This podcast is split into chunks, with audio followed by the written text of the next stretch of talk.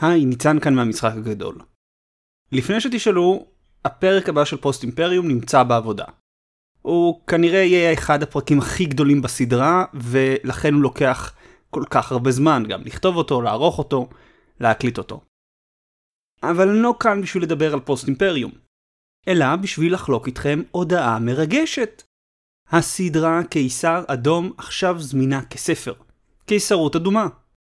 למי שפחות מכיר את הסדרה, לפני כמעט שנתיים יצאתי בסדרת פודקאסטים על סין, בכדי לענות על השאלות כמו מה סין רוצה, מדוע הכלכלה שלה ממשיכה לצמוח גם כששאר העולם במיתון, כיצד בועת הנדל"ן בסין קשורה לצמיחה המרשימה שלה בתמ"ג, אה, מהי המטרה של ההשקעות הרבות שלה, ומה הכוחות שמקבלים שם את ההחלטות.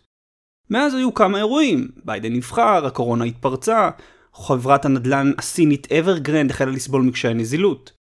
הספר הוא גרסה מעודכנת, מלוטשת ומורחבת של קיסר אדום. עם חומרים שמעולם לא פורסמו, כולל פרק מיוחד על האופן שבו ממשלת סין נכשלה בגילוי משבר הקורונה, ועל הניסיונות להסתרת המשבר מהעולם בתחילתו. הספר עכשיו זמין לרכישה מוקדמת עם הקדשה אישית ממני, מתנה נהדרת לכם או לאהובים שלכם לרגל השנה החדשה. קישור לעמוד המכירה נמצא בהערות הפרק. בנוסף, אעריך מאוד מאוד מאוד.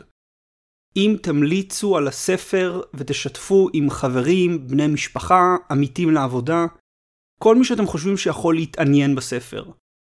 קיימת חוסר הבנה ובלבול בארץ בנוגע למי זו סין ומה היא רוצה.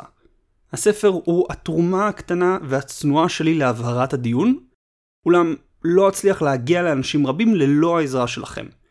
הספר כבר זמין באתר ההוצאה ללא הקדשה אישית, פשוט חפשו בגוגל קיסרות אדומה, ויהיה בקרוב זמין גם באתרים של רשתות הספרים הגדולות. בואו ונקדם ביחד את השיח על סין בארץ. אז לכו להזמין, תמליצו לחברים, ונתראה בקרוב עם פרק חדש של המשחק הגדול. תודה לכם על ההקשבה.